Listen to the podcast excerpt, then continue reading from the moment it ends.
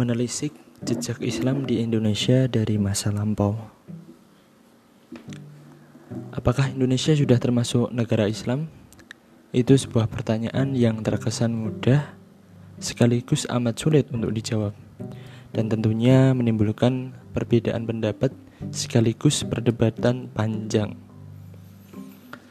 Sebagai kalangan umat Islam, ada yang berpikir banyak bentuk negara Indonesia yang sekarang ini sudah final tentunya dan tidak perlu untuk diotak-atik lagi. Pancasila sebagai dasar negara bahkan sempat dijadikan sebagai satu-satunya asas terkhusus di era resmi Presiden Soeharto. Sebaliknya, kalangan yang pro dengan Islam tetap bercita-cita untuk mendirikan negara Islam dengan beragam imajinasi yang mereka bayangkan. Yang menarik lagi, seperti apa sosok negara Islam yang terlintas dalam benak mereka, ternyata juga tidak kompak antara satu pendukung dengan pendukung lainnya. Namun tidak ada salahnya dalam podcast ini kita akan mulai sedikit membahas tidak keseluruhan mulai dari sejarah yang pernah diukir tentang cita-cita mendirikan negara Islam di negeri sendiri baik yang mendukung maupun yang menolak.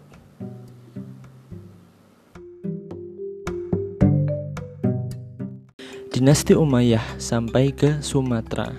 Pada tahun 651 Masehi, selisih sekitar 20 tahun dari wafatnya Rasulullah Shallallahu alaihi wasallam, Khalifah Utsman ibnu Affan radhiyallahu anhu mengirim delegasi ke negeri Cina untuk memperkenalkan daulah Islam yang belum lama berdiri.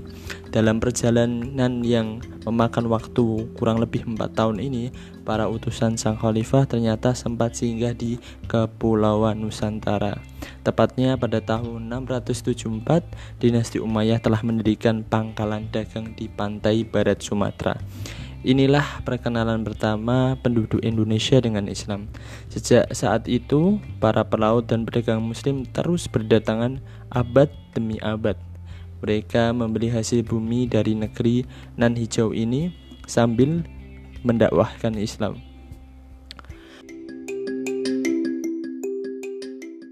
Sejak Islam masuk ke Indonesia di abad ke-7 itulah pengamalan Islam tidak bisa dipungkiri telah dijalankan oleh individu, oleh masyarakat yang telah memeluk Islam sebelumnya. Berbeda dengan sejarah versi Belanda yang ditulis dan bersumber dari orientalis Dr. Snort Horgonya, Islam masuk Indonesia bukan di abad ke-13. Sayangnya versi penjajah inilah yang saat ini menjadi kurikulum nasional. Nasional negara Indonesia tentunya diajarkan di sekolah-sekolah dan per, sampai perguruan tinggi tentunya. Dalam pandangan Prof. Dr. Hamka menjelaskan tentang awal mula penyebaran agama Islam di Nusantara adalah tahun 1972. Beliau menegaskan bahwa Islam tidak dibawa oleh pedagang dari Gujarat India melainkan langsung dari oleh para juru dakwah dari Jazirah Arabia. Namun harus diakui hingga awal abad 13 agama Islam belum menjadi sebuah dasar dari pemerintahan kerajaan meski sudah dipeluk oleh mayoritas khususnya masyarakat pesisir.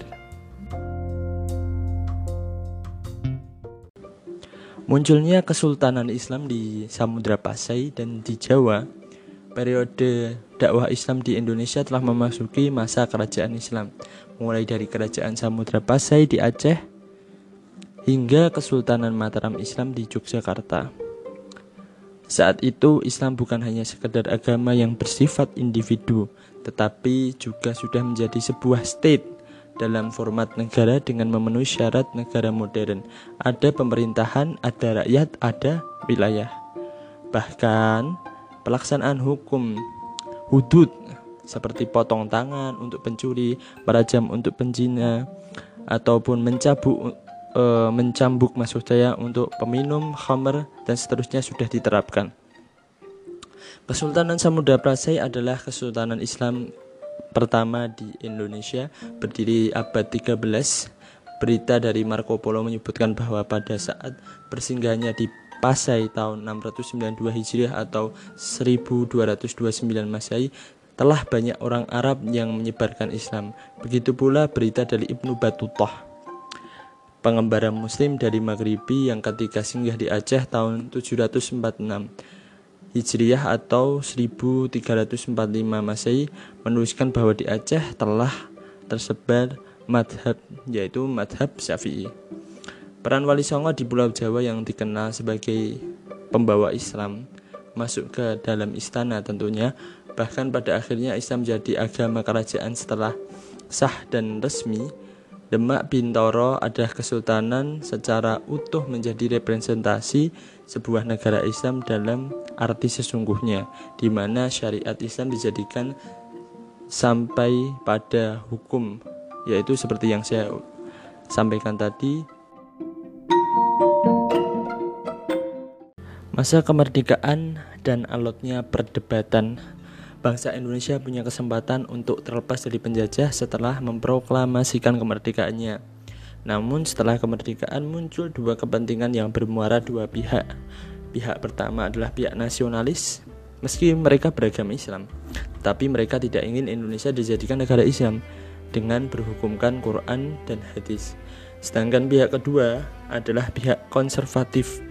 Mereka ingin Indonesia menjadi sebuah negara Islam yang formal berdasarkan Quran dan hadis dengan menyelenggarakan syariat Islam seperti hukum potong tangan, hukum rajam, dan seterusnya. Dalam menentukan hubungan negara dan agama, anggota PPUPKI telah terbelah menjadi dua golongan. Yang pertama golongan Islam yang menghendaki bentuk teokrasi Islam dengan golongan kebangsaan yang menghendaki bentuk negara sekuler di mana negara sama sekali tidak boleh bergerak di bidang agama. Persetujuan di dua kelompok ini dilakukan oleh panitia 9 ya namanya panitia 9 tercantum dalam sebuah dokumen rancangan pembukuan hukum dasar namun untuk menjaga integrasi bangsa yang harus diproklamasikan Soekarno segera menghubungi Bung Hatta dan berdua menemui wakil-wakil golongan Islam. Semua wakil golongan Islam di antara Tengku Mohasan, Mr. Kasman Dimejo, dan Ki Bagus Hadikusumo keberatan dengan usulan penghapusan itu.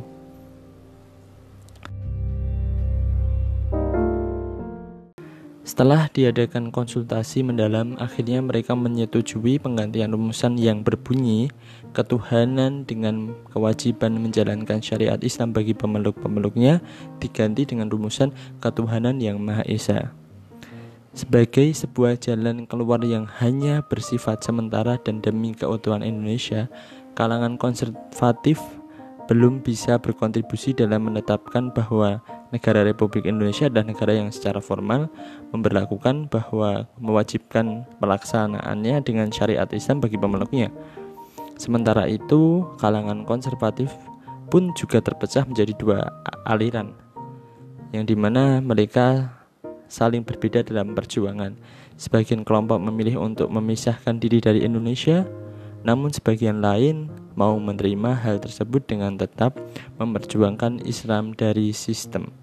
Mereka tetap ikut andil dalam pemerintahan hingga tetap mewarnai jalannya negara ini dengan warna Islam yang sangat kental.